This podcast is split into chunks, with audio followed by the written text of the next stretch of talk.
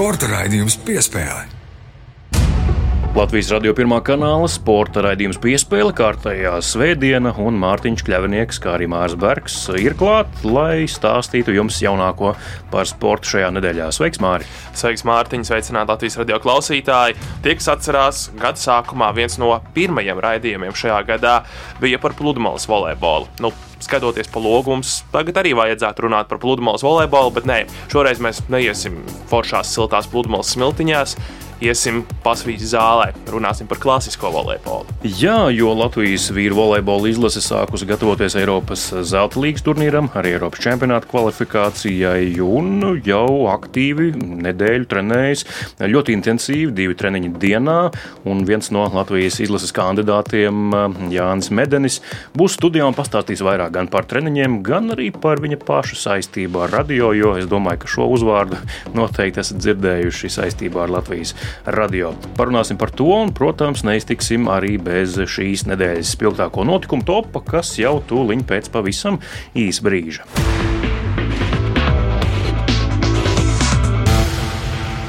Aizvadītās nedēļas spilgtāko notikumu tops mūsu Mārtiņa Kļavnieka un Māra Berga vērtējumā, un sāksim ar to, ka hokeja izlase gatavojas pasaules čempionātam, kas sāksies jau pēc piecām dienām.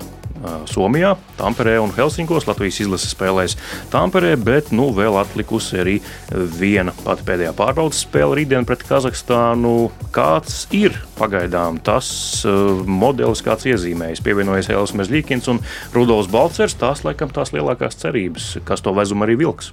Nu, droši vien, jā, jo izlases nometne ļoti strauji tuvojas beigām. Jau nākamās nedēļas vidū jādodas uz Tamperi un jau piekdienas pirmā spēle 4.20 pret ASV izlasi. Līdz ar to šajās divās spēlēs pret Kazahstānu nu, jau ir jāsāk rādīt tas, ko mēs gribam rādīt čempionātā. Un Elvis Mirslikins ir pievienojies izlasē, viņš būs neapšaubāms pirmais numurs pasaules čempionātā. Nu, Rudolfs Balcers viņam pirmajā maiņā būs jāveido rezultāts. Viņš būs viens no tiem, no kura mēs gaidām šos vārtu guvumus, gaidām rezultātus piespēles. Tagad treniņos pēdējos ar Ronaldu Ķēniņu un Rodrigo Abolu iespēlētā saikne jau no iepriekšējiem čempionātiem, no iepriekšējiem turnīriem. Jā, es biju treniņā ceturtdien, kur Elvis pirmo reizi kāpa uz ledus kopā ar Latvijas izlasi šajā pavasarī un pēc divu gadu pārtraukuma, jo ne 2020. ne 2021. gadā viņš nebija izlases aptverē dažādu iemeslu dēļ. Nu, pirmajā variantā pandēmija, otrajā viņam bija gaidāms ģimenes pieaugums, bet tagad Elvis ir klāt un ļoti smaidīgs tirgus atvērts, jautrs, pajokoja ar medijiem. Iedzēra sāliņu un uzēda šašliku. Es nemošu, teikšu, to atklāti dzēru alu, ēdu šašliku. Tas ļoti pietrūka. Satiku draugus. Noteikti pirmais bija, protams, ķēriņš ar viņu brāli. Manu labāko draugu. Neko šodien, tagad pēc treniņa braukšu pie Almas. Satiku Tomu. Un, un tad jāiet daži dokumenti jāsakārto. Mājās esmu tikai tīri gultas dēļ, braucu gulēt. Ja sanāk gulēt, kur nesanāk gulēt, protams, ļoti liels prieks satikt. Un brālim arī piedzimta mazā meitiņa, ir ļoti forši pavadīt arī laiku ar mazo meitiņu fokus ir uz darbu un uz to, ka viņš ir gatavs spēlēt visas septiņas spēles grupā, un, ja būs vēl kāda Latvijai čempionātā, tad arī to, jo, kā viņš pats pastāstīja, tad eh, tas, eh, ko Kolumbusas Blue Jackets vadība lika viņam darīt pēdējos mēnešos, proti, spēlēt ļoti intensīvā režīmā, tas viņu tam ir sagatavojis un eh, nebūs pret, ja viņam būs jāspēlē pilnīgi viss mačs. Vēl jau Vārtūrs Šilovs ir izsaukts uz nometni tagad nedēļas beigās. Redzēsim, ko treneri ir iecerējuši ar viņu darīt. Bet dodamies tālāk nedēļas topā un uh, pasaules sporta karalis futbols. UEFA Champions League finālisti zināmi Laikam jau skatoties uz pusfinālu pāriem, tas, ka kausa ceļos uz Angliju, tas laikam ir skaidrs. kausa ceļos uz Angliju? tu esi pārliecināts. Es atkal saku, kausa ceļos uz Spānijas galvaspilsētu. Nu, to mēs redzēsim, jā. Bet uh, fani, tāpat kā mēs šeit studijā, varbūt dalāmies, dalās arī uh, Champions League fani, bet uh, vai šis fināls ir interesants? Tāds ir šiem jautājums potenciāli interesants. Es domāju, ka pilnīgi noteikti ir interesants. Liverpoola, Madrids, Reāli divas labas komandas, protams, Champions League finālā švakas komandas neiekļūst. Kļūst. Nu, pārsteigums vai nav pārsteigums, nu, tur viedokļi noteikti dalīsies. Daudz gaidīja, ka Manchester City tomēr tiks finālā. Un, godīgi sakot, sākoties 90. minūtē, tā arī izskatījās, ka Manchester City būs finālā, nevis Madrides Reāla.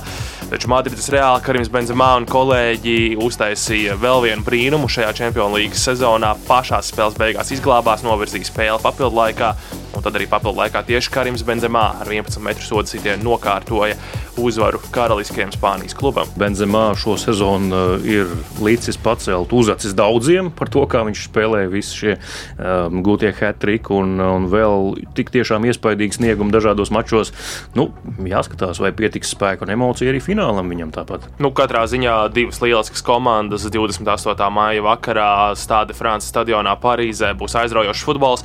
Abas komandas pirms četriem gadiem jau spēlēja Champions League finālā, toreiz Madrids Reāli kļuva par čempioniem. No Liverpoola un Jurgens Klops ir noskaņot revanšēties, un sastāvs ir piemērots, lai to izdarītu. Katrā ziņā es Liverpoolu liktu kā favorītus, ja es liktu savu naudu uz viņiem, taču es ceru, ka kausai ceļos uz Spāniju.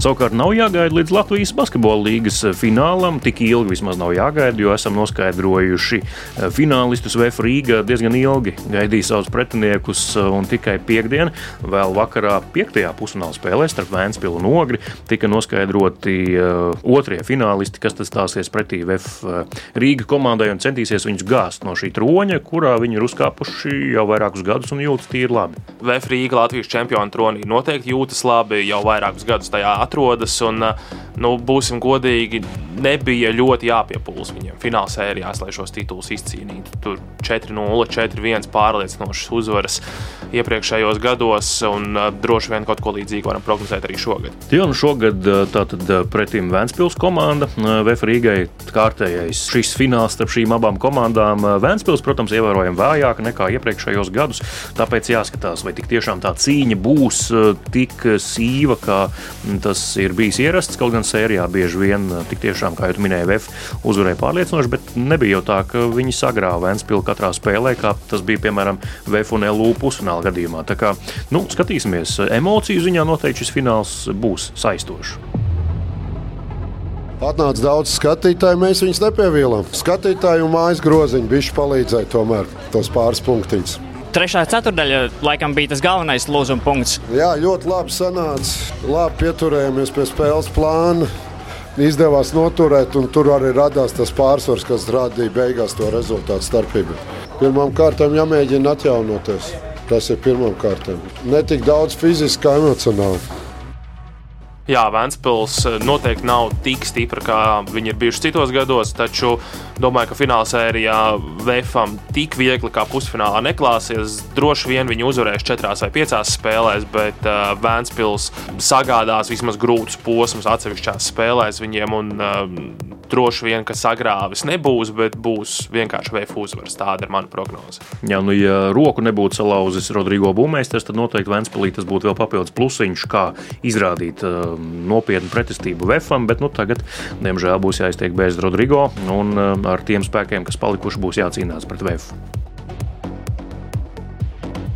Dodamies tālāk, topā nominācija nedēļas klauns atkal ir atgriezies. Nu, kurš gan cits? Mums divi tikai klauni ir bijuši šajā raidījumā - Novāks Džokovičs un Mairs Briedis. Un, diemžēl Latvijas atkal ir izcēlies, ieņem šo te nevis godpilno, bet kaunpilno nomināciju šajā nedēļā. Ar ko tad Mairs izcēlās šonadēļ? Daudzi noteikti sociālās saziņas vietnēs ir pamanījuši šo Maira publicēto video, kur viņš ir izklāsta savu viedokli saistībā ar uzvaras pieminekli. Tā dēvēta uzvaras pieminekli. Jā, ar tā dēvēto uzvaras pieminekli daudziem viedoklis ir pilnīgi pretējs Mairim, un arī mums abiem šajā studijā sēdošajiem eh, viedoklis pilnīgi nesakrīt ar Mairi.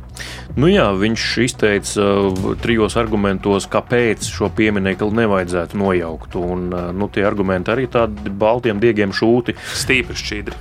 Jā, un pie tam, kad viņš šo video publicēja 4. maijā, Latvijas neatkarības atjaunošanas dienā, līdz ar to nevis apsveicot savu valsti šajā gada dienā, kad pirms 32 gadiem, 4. maijā, tika atjaunota Latvijas neatkarība, vismaz augstākajā padomē par to nobalsots bet argumentējot, kāpēc jāatstāj okupācijas laika šāda milzīga mm, pazīme un simbols eh, Rīgā. Jā, nu šis ir sporta raidījums, un to nepārvērtīsim par politisko raidījumu. Bet, uh, manuprāt, vienīgais jautājums saistībā ar šo piemēru varētu būt par to, kā to nojaukt. Kā un kad, jā, tas gan cerams, ka viss aizies tajā virzienā, kurā tam ir jāaiziet, jo pateicīgāka brīža, kā šobrīd, arī skatoties ģeopolitiski, var arī nebūt. Bet ko nu mēs par politiku parunāsim par ietekmeļiem, influenceriem. Šis ir sporta raidījums, un mēs runājam uh, par politiku un uh, Instagram slavenībām, vai ne? Tā kā atbilstoši. Varam arī par to mazliet parunāt, jo nu, Instagramā arī sportisti, protams, publicē dažna, dažādus ierakstus, gan no privātās dzīves, gan, gan no savām spēlēm, ieliek kādus labus kadrus, kas ir sanākuši fotogrāfiem laukuma malās. Līdz ar to arī sportisti ir iekļauti ietekmeļu topā, jeb influenceru topā. Un, Tas arī nu, jau pagājušās nedēļas beigās tika publicēts, un arī tur bija atsevišķa sportistu kategorija. Tur Elvis Miržģikins uzvarēja. Jā, es minētu, ka tas ir Kristaps Porziņš, jo viņam ir pārliecinoši visvairāk sekotāju no Latvijas sportistiem. Nu, jā, un te vēl ir jāvērtē arī, cik viņi ir aktīvi un kāpēc mēs par šo visu runājam. Jo otro vietu šajā visā ieguva Mikls Indrišs. Visu cieņu Mikam par to, ko viņš dara laukumā, par to, cik viņš ir meistarīgs spēlētājs. Taču sociālajos tīklos Viņš nav baigi aktīvs. Viņš nepublicē daudz. Ja tagad paskatāmies maija sākums, paskatāmies Mikls Indraša Instagram kontu, Pēdējie ieraksti ir no 4. februāra no Pekinas Olimpiskā stadiona. Tas īsti neatbilst influencerim. Šajā sportistu influenceru topā mūsu balss aiziet Rihardam Bukartam. Viņš ir aktīvs šajā kontā un viņš tiešām arī veido kaut kādu saturu, gan arī sadarbības saturu. Konkursu viņas nūjas izspēlē vispār. Jā, tā kā Rihards Bukarts ir aktīvs un viņš noteikti būtu pelnījis būt šajā influenceru topā un būt augšgalā. Līdz ar to arī šīs nedēļas spilgtāko notikumu tops izskan. Un, uh, pēc mazas attēlpas esam atpakaļ raidījumā. Sporta raidījums piespēlē. Sporta raidījums piespēle turpinās. Studijā Mārtiņš Kļavinieks un Māris Barks. Un šajā sporta raidījumā piespēle runājam par volejbolu. Un ne par velti, tāpēc arī studijā ir viens no Latvijas volejbola izlases kandidātiem - Jānis Medenis. Sveiks, Jāni! Labrīt, labdien, labvakar! Sveiks, Jāni!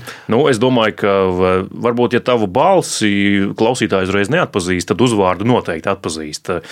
Tavu saikni no Latvijas radio jau kopš bērnības, tu te pa gaitiņiem skraidīji, vai tomēr tik bieži nav sanācis būt? Jā, noteikti. Tad, kad es mācījos sākuma skolā, tepat eh, vecrīgā Rīgas centra daļa amatniecības pamatskolā, Es pēc eh, stundām vienmēr gāju pie vecākiem uz Latvijas radio, 4. Eh, stāvā vienmēr skraidīju pa gaitiņiem.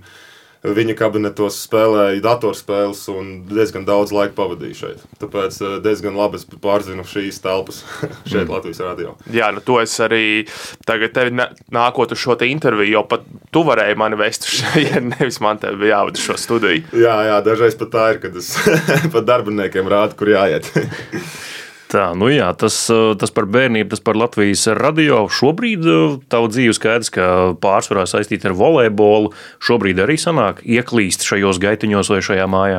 Pēdējā laikā nesanāk, jo uh, sezonas laikā, proti no septembra līdz aprīlim, es pa lielam arī visu laiku pēdējos trīs gadus biju Jēkabpilī. Un tāpēc arī tur uz vietas tur mācījos, un tāpēc arī uh, Nesanāca tik bieži apgrozīties šeit Latvijas radio pie mīļajiem vecākiem. Tāpēc arī uzreiz, kad es atnācu šeit Latvijas radio, redzēju, ka telpās ir kaut kas mainījies, palielināt ēdnīcu vai arī kaut kas cits. Tāpēc ir patīkami redzēt, ka arī kaut kas atjaunojas šeit Latvijas radio. Nu, ikdienu pavadot Jēkabpilī, tur izdodas ieslēgt Latvijas radio un paklausīties kādos brīvos brīžos, kad nav jāmācās un nav jāspēlē. Godīgi sakot, reti. Godīgi sakot, reti, bet tad, kad es braucu ar mašīnu un apnīk savu klausītā mūziku, tad dažreiz uzslēdzu Latvijas radio un paklausos, kas tur labs skan. Greizos ratus, ziņas. Pr protams, jā, greizos ratus kopā, kad es esmu mājās ar vecākiem klausos, mm. pa radio pilnā skaļumā kad ne, nevar pat pagulēt no rītiem. Tāpēc eh, jā, tā sanāk principā vienīgā reize, kad, mm. kad kopā ar vecākiem klausos greizos rātus. Mazo Jānu arī vilku uz rādio minēt Mīkls, vai tomēr tevi tā neiesaistīt tur tajā raidījuma veidošanā? Uh, es esmu bijis tur jau vairākas reizes. Vairākas reizes esmu bijis bērnībā, bet pēdējo reizi pat neatceros pirms kaut kādiem pieciem, sešiem gadiem. Bet tā kā uh, Tagad eh, man ir Latvijas izlases nometne. Man ir tāds mazs mērķis nosprausts, eh, izpalīdzēt mammai, eh, dabūt kādus Latvijas izlases komandas biedrus mm. uz Latvijas radio, pamanīt kādus dažus mīklus. Tas gan būs interesanti. Tas būtu ļoti interesants jā. raidījums. Jā. Jā. Varam noteikti rekomendēt arī piespēles klausītājiem sagaidīt šādu raidījumu, noteikti arī klausīties. Bet volejbols jau ģimenē jums nebūtu nav svešs. Un es pirmais, kurš volejbolu spēlēja, Ansis, tā tad jā, vecākais brālis. Cik liela ietekme viņš tev bija bērnībā? Tomēr jums ir 15 gadu starpība, tas ir nopietns laika sprīdis. Tu kā mazais ķipars skaties, kā viņš tur tās bumbas, kā saka, dzēna grīdā vai, vai kā bija ar tevi? Protams, jā, es vēl atceros pašu pirmo volejbola spēli, kad es uh, biju pie sava brāļa. Protams, es biju maziņš, ja, mazs gurķītis, neko baigi nesapratu, bet mani uzrunāja viņa sākotnējais jaunatnes treneris. Andris Leitis, kurš Rīgas volejbola skolā arī bija nu, teiksim, tā leģenda, kā treneris. Un, uh, viņš man uzrunāja, lai es nāku spēlēt volejbolu. Jo brālis man, vecākais brālis, baigi man nespieda. Visu tagad spēlēs volejbolu. Tā noteikti nebija.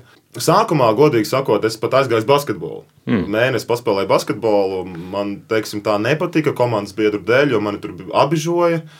Es nu, nejūtos labi, un tad es aizgāju uz volejbolu. Iepatikās, protams, ceļš bija ļoti garš, bet, bet, bet, bet protams, ietekmējos ļoti no brāļa. Viņš tādā ziņā bērnībā bija mans elks. Skatījos no viņa kā uz lielo lielo lielgabalu. Tāpēc arī ja ne, es, es pat nezinu, kā būtu, ja man tāds Ansis Medens brālis nebūtu. Tas, mm. Es pat nezinu, ko, ko, kuras tagad būtu. Varbūt basketbols spēlēt, varbūt galda tenisu, varbūt kaut ko citu. Es pat nezinu.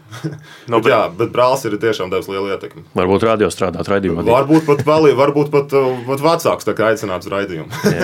no brāļa es smēlies arī kaut kādu iedvesmu tajā, kā tu spēlē laukumā, kā tu izturies. Jo tomēr esi tāds kā ne tikai līderis tādā ziņā, ka tu vāc punktus laukumā, bet arī emocionālais līderis. Es smēlēju šīs lietas no brāļa.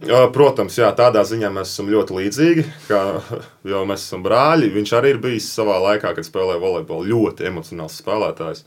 Un es, tā, es pat teiktu, es pat tāds pats esmu. Jā, nu mēs sazināmies arī šādi un tad eh, parunājam. Protams, eh, man ir liels prieks, ka man ir tāds brālis no kā var mācīties. Var mācīties no viņa kļūdām uh, karjeras laikā, un tāpēc viņš var ļoti labus ieteikumus man dot, uh, ko darīt, ko nedarīt, kā būtu labāk. Uh. Hokejā Arts Abols, tēvs Rodrigo Abolam. Rodrigo intervijās to ir stāstījis, ka tēvs ir kritiķis. Teiksim, viņš vienmēr skatās spēles un saka, tu tur to neizdarīji tik labi, šī to neizdarīji tik forši.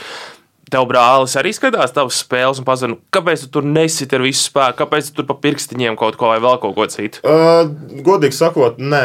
Uh, viņš tādā ziņā ļauj man uzelpot, viņš baigi nespēj man neko virsū. Vi, kā saka, tu slīdu pa straumi, un uh, viņš tikai tādā ziņā pēc spēlēm uzraksta, oi, brāčka labi nospēlēja, vai arī tu slikti nospēlēji nekas. Viņš tur saka, nekas nākošais cita diena, citā dienā būs labāk, bet tā viņš man baigi nespēj, ka tur tā, tā, kāpēc tu tā neizdarīji. Tāpēc eh, man pat liekas, ka tā ir labāk. Savu uzvārdu tu kā, kādreiz esi volejbola karjeras laikā sajūta kā nasta. Nu, nu, to, no tevis varbūt gaida kaut ko tādu kā no brāļa, nu, tikai tāpēc, ka tu esi viņa brālis. Noteikti, jā. Nu, es domāju, ka tā visur pasaulē ir kaut vai, nezinu, tur lielajām superzvaigznēm. Tur, piemēram, Kristiāna Ronaldo, viņam ir mazais dēls. Es domāju, no viņa arī sagaida mm. diezgan liels panākums. Un es domāju, tas pats arī ir man. Daudzi saka, tur, nezinu, tur tehniski labāks esmu, vai arī tur fiziskajās esmu sūdīgāks, vai arī kaut kas tam līdzīgs. Nu, Ko tu pats domā? Fiziski es esmu vājāks par abiem brāļiem. Mm. Abi mani brāļi spēlējuši volejbolu, bet, protams, Ants ir izlecis. Jo vidējais brālis eh, nu, ātrāk beidz spēlēt to volejbolu. Bet, eh, godīgi sakot, eh, es gribētu teikt, ka tehnikās esmu labāks. Bet fiziskajā es, man vēl ir, kur jātiek. ir, mm. ir, ir ko vēl strādāt. Jā, nu, fizisko pusi to arī izlases galvenais treneris ir izteicies, ka varbūt tās ir spēlētāji, tīpaši gados jaunie, kuriem pietrūks, bet droši vien, nu, skatoties uz tevi jēkapelī, tur tik un tā ir redzama izaugsme fiziskajā sagatavotībā, mm. kā bija iepriekš un kā ir tagad. Protams, jā, nu, es pats arī jūtu to personīgi, pats jūtu to progresu sevi fiziskajā slodzē, tāpēc arī par šo pēdējo gadu es esmu pielicis. Tā jau tā pozitīvā lieta šajā gadījumā, ka fizisko jau var uztrenēt. Tehniku, ja tās nav, nu, tad to tu neieliks tagad. Noteikti, pilnībā piekrītu. Mans jaunatnes treneris Jānis Bomiņš arī to teica. Kāda jēga tagad uh, tur 16, 15 vai pat 12 gadīgam puikam mm. likt fizisku iekšā? Būt skapim vai ne? Jā, būt skapim, ja ir galvenais uh, ielikt pamatus, mm. tehniku. Jebkādā sporta veidā, futbolā, hokeja, volejbolā, vienalga. Uh, fizisko, jebkurš var uz, uzturnēt, kaut vai 50 gados. Jebkurš var uzturnēt fizisko, bet tehnika 50 gados, nu, tas būtu pagrūtāk mm. nekā tajos 15. Jā, tad ar Jākapils Lūšiem uh, trīs čempionu tituli izcīnīt, nu, laikam jāsaka tā, laba sezona. Trīs no četriem tituliem Baltijas līmenī, diemžēl mēs. Uh, Medaļas nedabūjām, bet visus, visos latviešu turnīros mēs esam uzvarējuši. Trīs kausi mums ir, tas ir ļoti patīkami. Diezgan bagāts sezonā. Sastāvs Jēkabīlī arī pamainījās šajā sezonā. Vairāki pieredzējuši spēlētāji aizgāja prom, arī netik pieredzējuši aizgāja uz ārzemēm. Tas pats Kristers Dardzāns un, un Gustavs Freimanis. Sajūta, ka tava loma mainās šajā komandā, ka tu esi nu, jau krietni vairāk tāds līderis, kurš savēl komandu kopā. Nu, tā īstenībā finālā arī izskatījās. Arī Mārcis Obrumans pēc pirmās spēles, manuprāt, teica, ka sūtīja tevi laukumā, lai tu savāktu to komandu. Jā, viennozīmīgi. Kad uh, mani draugi, komandas biedri, Kristers Dārdzāns un Gustavs Freimans aizbrauca uz ārzemēm, leģionāru gaitās, tad uh, šogad varēja saprast. Protams, Edvins Skrūders, uh, cēlājs, saspēles vadītājs, eh, volejbola atslēgas, teiks, teikšu tā, bija ļoti jūtams tas, kad aizbrauca mūsu atslēgas spēlētāji. Jo eh, Jēkabils Lūšs tādā ziņā rēķinājās ar eh, mani, Kristofru Dārdzānu, Gustavu Freimani, ka mēs nākošais gads, proti, šajā sezonā, kas pagāja, spēlēsim simtprocentīgi, kā jaunie potenciālie spēlētāji. Bet tā kā diezgan spontāni, godīgi sakot. Kristers Dārdzāns un Gustavs Freemans aizbrauca uz ārzemēm, un tāpēc tā komanda Jēkabīlī pajuka. Tad komandas menedžers saķēra galvu, un viņš pat nezināja, ko darīt, nu, kādas spēlētājs ņemt. Bet kaut kā mēs salasījāmies šogad. Un, nu, protams, jā, pats personīgi jūtu, ka uh, ir lielāka loma komandā. Lielāks spēles laiks, atbildība lielāka, tāpēc nu, diezgan laba pieredze. Nu, viss notiek tā, kā tam jānotiek. Trīs kausus dabūjām, es domāju, tad mums viss izdevās. Jā, Klau, pagājušajā vasarā, kad mēs tevi runājām, arī izteicies, ka vērtēsi tos nākotnes ceļus. Varbūt jau pat pagājušajā vasarā apsverot iespēju braukt uz ārzemēm. Kāpēc tu neaizbrauc? Vai varianti bija, vai varbūt pats saprati, ka nevajag varbūt vēl skriet? Viss notiek, kā tam jānotiek.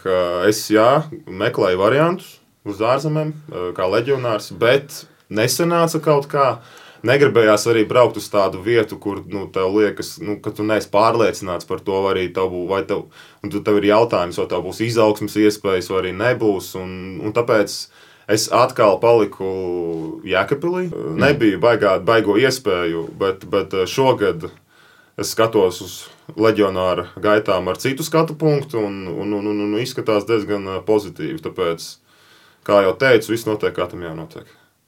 Jā, jo nu, Latvijas eh, klubu volejbols ir tāds, kāds tas ir. Ir lūši, tad ir RTU, un tad ir pārējās komandas, eh, kuras tomēr ir krietni soli eh, ārpus tā jūsu lūšu un RTU līmeņa. Cik vispār šāda sezona tev ir devusi, kā tu domā? Tā ir tev kaut ko devusi, tu esi stāvējis uz vietas savā attīstībā, vai tomēr esi kaut cik attīstījies kaut kādos elementos?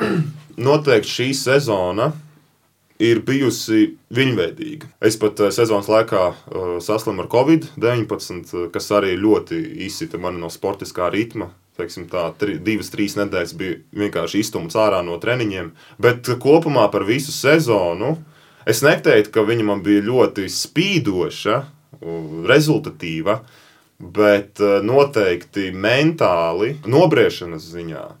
Jā, tādā ziņā es esmu priecīgs, ka es paliku Latvijā, lai tīri tā vēl nostabilizētos, nobriestu priekš tā nākošā lielā soļa kas ir ārzemes. Jā, nu pievēršoties arī izlasēji, jau māja beigās sākas zelta līga.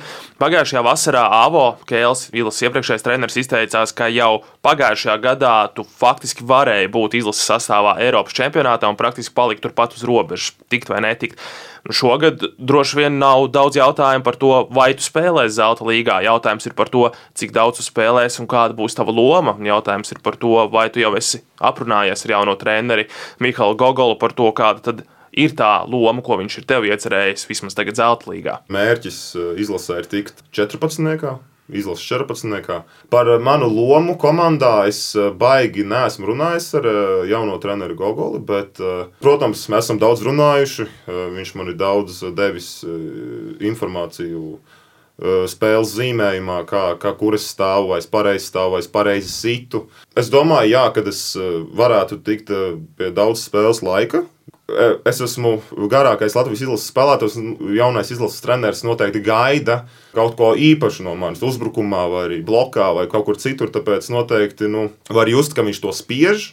Un, un man tas patīk, un tas tikai motivē tevi pašam strādāt un pilnveidoties pie pasaules klases treneru. Kogols ir augsta līmeņa treneris, strādājis Polijas izlasē, strādājis arī Polijas superlīgā. Tas ir kvalitātes rādītājs. Nu, pastāst par to, kāds tad viņš ir kā treneris un kāds ir jūsu režīms šobrīd, gatavojoties eh, vasaras turnīriem. Jā, jo mēs ar Mārciņu ar viņu esam runājuši. Komunikācija noteikti ir tas viņa jājam zirdziņš, jo runāt viņam patīk, runāt viņš māk un arī pārliecināt par savu taisnību viņš māk. Jā, viņ, viņam ļoti patīk runāt. Un man tas patīk. To arī pamanīju. To, jā, jā noteikti. Jā, man pašam arī ļoti patīk runāt. Bet, nu, salīdzinot ar pagājušo treneru Avo Kēlu, es pat teiktu, tā diena pratnāk. Jo, manuprāt, trenerim ar spēlētāju ir jābūt ļoti labās attiecībās, kā tēvam ar dēlu. Komunikācijai, kas jau man ir izveidojusies pa šo nedēļas laiku ar jauno treneri. Es pat jūtos uh, piecus gadus atpakaļ kā jaunatnē, kā jaunatnes volejbola čempionātā kad tev tur treneris uh, sēž blakus. Tā kā tētis, un tagad tev tur baksta pie, tev pie pleca. Nē, tev jādara tā, nē, kāpēc tev rokas stāv tā? Viņ, viņš ļoti spiež uz daudzveidīgu spēli, un es tam ļoti piekrītu, jo mūsdienu volejbolā tu neko neizdarīsi ar vienveidīgu spēli. Viņ, viņš tur nesalasa tur grupiņās, tagad jūs tur visi tādi un tādi, bet viņš reāli pasaules. Katru spēlētāju individuāli. Mm un uh, saka viņam, tu, to, tu dari to nepareizi, vai tu to dari pareizi, un tā, tā, tā. Un viņš ļoti var redzēt, ka viņš ieliek uh, sirdi un vēseli, ko, to, ko viņš dara. Un mm. Tur noteikti arī tas pasaules līmenis atspoguļojas, ka viņš tiešām ieliek uh, visu iekšā, lai, lai gūtu panākums no šīs uh, jaunās Latvijas izlases komandas. Jaunajam izlases trenerim ļoti patīk tehnika. Uh, salīdzinot ar pagājušajiem gadiem, mums bija ļoti daudz svaru zāles, fiziskais, lai mēs tur būtu labā formā. Turpat vairāk bija fizisko treniņu nekā tehniskie treniņi, bet šogad uh, ir pat uh, divreiz vairāk tehnisko treniņu nekā fiziskie. Jaunais izlases treneris uh, viennozīmīgi mūs, uh, pat jaunos spēlētājus, ļoti labi sagatavos priekš nākošās sezonas. Un es domāju, ka pat jaunie spēlētāji kuri paliks Latvijā, cels Latvijas klubu līmeni augstāk. Nu, lieliski uz tādas pozitīvas nots šo sarunu arī noslēgsim. Jānis Medenis, paldies, ka atnāca ciemos, Latvijas volejbola izlases kandidāts un cerams, ka arī spēlētājs Zelta līgā, ne tikai kandidāts. Paldies, Jāni! Paldies, paldies Jāni!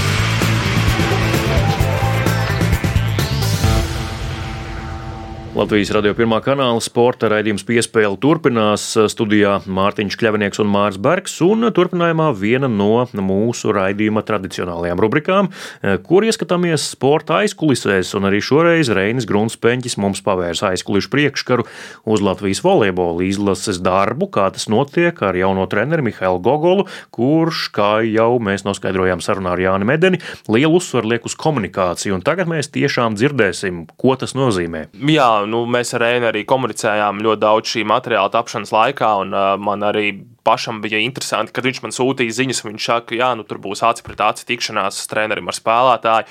Tas parasti ir nopietni, parasti tur nevienu nelaiž klāt. Tās ir tiešām sarunas zem četrām acīm. Es paklausījos šo materiālu jau, jā, interesanti, tāpēc klausāmies, ko Reinis ir sagatavojis.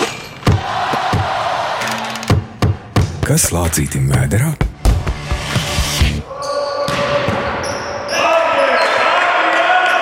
Latvijas volejbola izlase jau vairāk nekā nedēļu aizvada treniņu nometni, gatavojoties māja beigās un jūnijā paredzētajiem Eiropas zelta līgas mačiem. Pagājušā gada beigās volejbola izlases galvenā trenera amatā Igauni Avo Kēla nomainīja poļu speciālists Mihāls Gogols, kurš 2018. gadā kā polijas izlases trenera asistents kļuva par pasaules čempionu. Kopā ar viņu ienākuši arī vairāk jauninājumi. Galvenais no tiem iespējams ir tas, ka katrs treniņš ar bumbām tiek filmēts. Vēlāk katra spēlētāja darbība tiek rūpīgi izanalizēta. Pirms treniņa sākuma Gogols individuālā sarunā ar spēlētāju parāda un pastāsta par svarīgākajām niansēm, kas pamanītas aizvadītajos treniņos un kas spēlētājiem jācenšas uzlabot. Turpinājumā būs iespēja ieklausīties, ko Mihāls Gogols pastāstīja izlases volejbolistiem Romānam Saušam un Kristapam Platačam. No, basically Romans. Some images from the practices. I don't want to speak so much about spiking because we both... Tā tad romāna dažas bildes no treniņiem. Negribu runāt par gremdēšanu. Tas ir fizisks process, lai atgrieztos, tāpēc mierīgi. Domāju, ka tā tik un tā uzlabojas. Taču galvenokārt koncentrēšos uz aizsardzību blokā. Pirmā lieta ir par stāju. Vienmēr centies saglabāt stabilu pozīciju. Pat ja esi novālots, jo bumba ir ātra, gribu, lai saglabā abas kājas uz zemes. ball is fast, yeah, I want you to stay on the position like uh, stable, both feet on the floor. This is, I think, from yesterday. Just wait, don't move. Yeah, still, it's, it's always like this. Šis man šķiet ir no vakardienas. Ir ļoti labi, bet tikai pagaidi. Tik un tā ir šis nelielais leciens. Redzi? Ja mēs uzņemtu laiku ar chronometru, tās varbūt ir 0,2 sekundes, bet tik un tā tev būs labāka reakcija uz bumbu. Have against against Spain. I wanted to show you this, yeah. Skatījos tavu spēli pret Spāniju, gribēju tev šo parādīt. Viņš gremdē šo bumbu. Paskaties uz viņa pēdu un pieskārienu. Šis ir mans mīļākais brīdis. That's my favorite, yeah. But guys, you will do it. You will do it as well, yeah. Th- These are big details now. Puiši, jūs arī to izdarīsiet. Šīs ir svarīgas detaļas. Zinu, ka dažreiz tas nav dabiski, bet mums ir jācenšas to īstenot. Mums ir šis periods un jūlijas, un es sagaidu, ka jūlijā aizsardzībā būsim kā akmeņi. July to be really like rocks in defense, like Viņš filmēja iepriekšējā nedēļa visu un uh, pārunāja par, par kļūdām, kas bija, kas bija aizsardzībā, pārsvarā tur uh, par stāju aizsardzībā. Un, uh, paskatījāmies, kā jāstāv aizsardzībā pārsvarā un ko man jādara pareizāk. Un, un tas arī viss.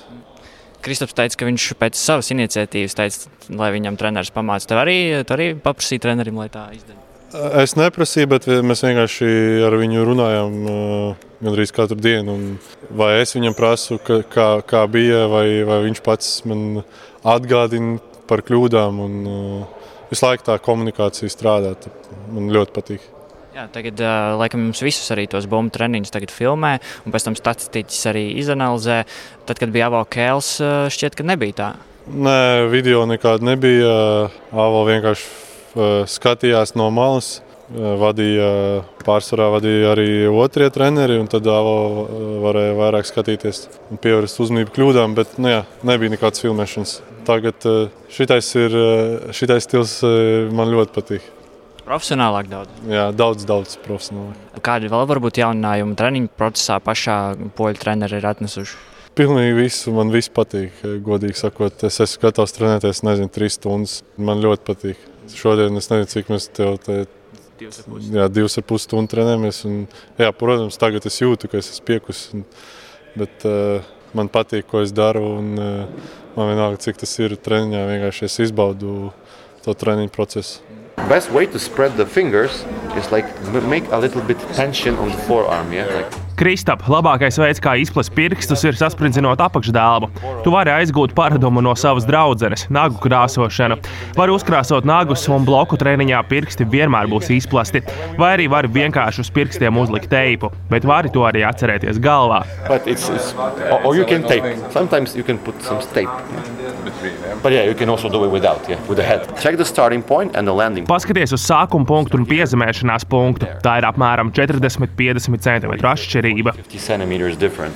I think this angle is not bad. Yeah, it's, it's, It could be better. I know, but I think it's a little bit unnatural. Domāju, ka 45 grādu leņķis nav slikts. Ja kāja ir izvirzīta uz priekšu, pēdas leņķis paliek tāds pats, bet toties kāja ir priekšā. Kopumā domāju, ka tev ir liela bloķēšanas kapacitāte, un šīs ir detaļas, kas tev var palīdzēt uzlabot to vēl vairāk. And these are like details which can even help you improve that. Pirms treniņa ar treneru kopā apspriedām pēdējos trīs vai četrus bumbu treniņus, ko mēs esam aizvadījuši. Eh, Principā tā bija mana in- iniciatīva, paskatīties video, kā es darbojos pēc pauzītes. Un, un, un, un, un kāds laiciņš man bija pagājis, kopš es nebiju spēlējis vispār volejbolu, jo sezonas beigās bija šī traumiņas un tādas lietas. Tāpēc, kamēr es atnāku apakaļ, izmantoju visas iespējas, ko es varu. Video treniņos tas ir lieliski. Tāpēc paskatījos savas darbības, lai zinātu, kā ātrāk tikt atpakaļ sliedēs. Tas tagad ir jaunums un uh, lielisks jaunums, jāatzīst. Tas ir ļoti vērtīgi un tāpēc jācenšas izmantot tas. Noteikti vairāk tāda individuālāka pieeja, es teiktu. varbūt ne tā, ka katram individuāli, bet teiksim, pa spēlētāju pozīciju grupām. Teiksim, pirmā tēma spēlētāja kopā ar mani. Tad mēs tur uz atsevišķām lietām strādājam, tad atkal uzņēmējiem vairāk uz uzņemšanu. Tas ir tāds, man liekas, arī ļoti labs jaunums, vairāk uz individuālo spēli, un pēc tam jau gan jau kopā saliksies arī tā komandas spēle daudz kvalitatīvāk. Tā kā jā, pa lielam tas tāds viens liels super jaunums. Šie treniņi ir sarežģītāki varbūt nekā bija pie AVOKL.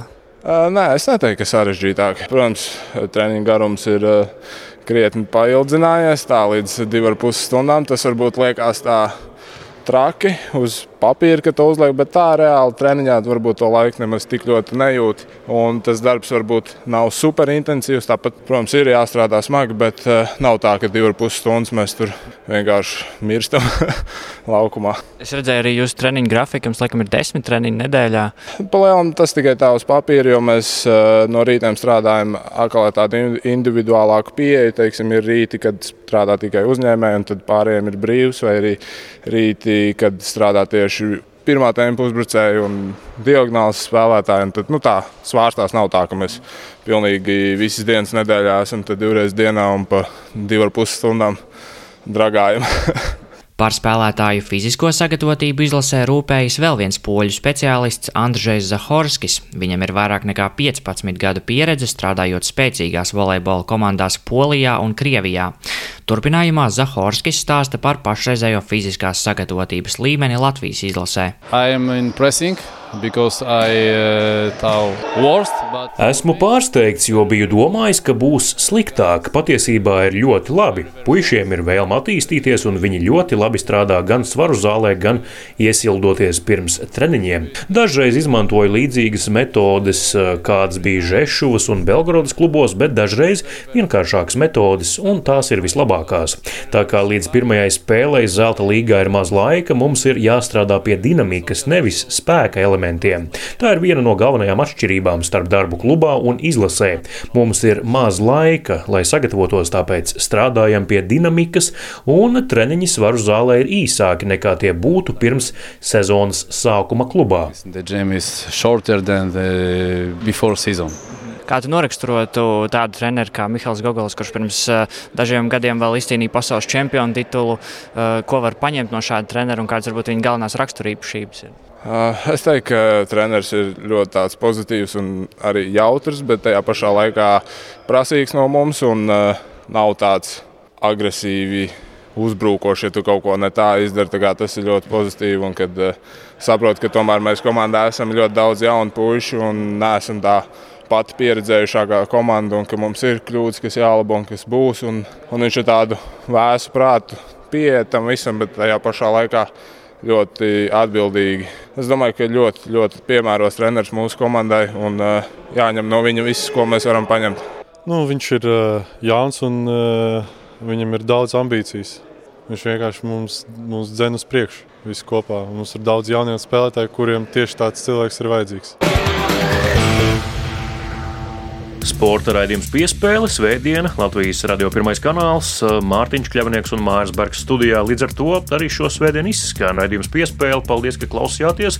Es domāju, ka šis rēņa materiāls bija tāds īstenis priekškara pavēršanas piemērs, jo, kā jau Mārtu sacīja, pirms šīs rubrikas izskanēšanas, nu, tur parasti nu, gan žurnālistus nelaiž šādos brīžos, jo tie ir nu, ne nu gluži intīmi, bet tomēr tas paliek komandā. Bet uh, Mihāls Gogols, Latvijas volejbola izlases jaunais galvenais treneris ir pietiekami atvērts, lai ar to dalītos arī plašāku sabiedrību un ar publiku, kas vēlas to dzirdēt. Ar to arī izskan šīs nedēļas piespēlē. Nākamajā nedēļā Mēs jau atkal nesēdēsim vienā studijā kopā. Mārtiņ, tu būsi Tamperē, es būšu šeit Rīgā. Būsim mazliet mainītās lomās, kā mēs bijām februārī, kad es biju Pekinā un tur Rīgā.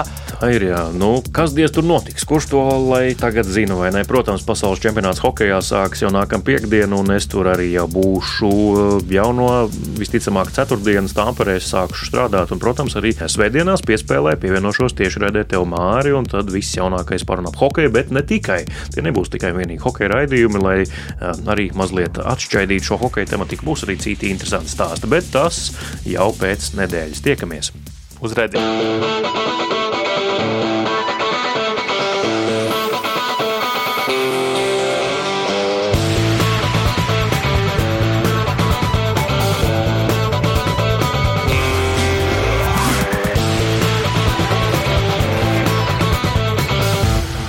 Sporta raidījums piespēle.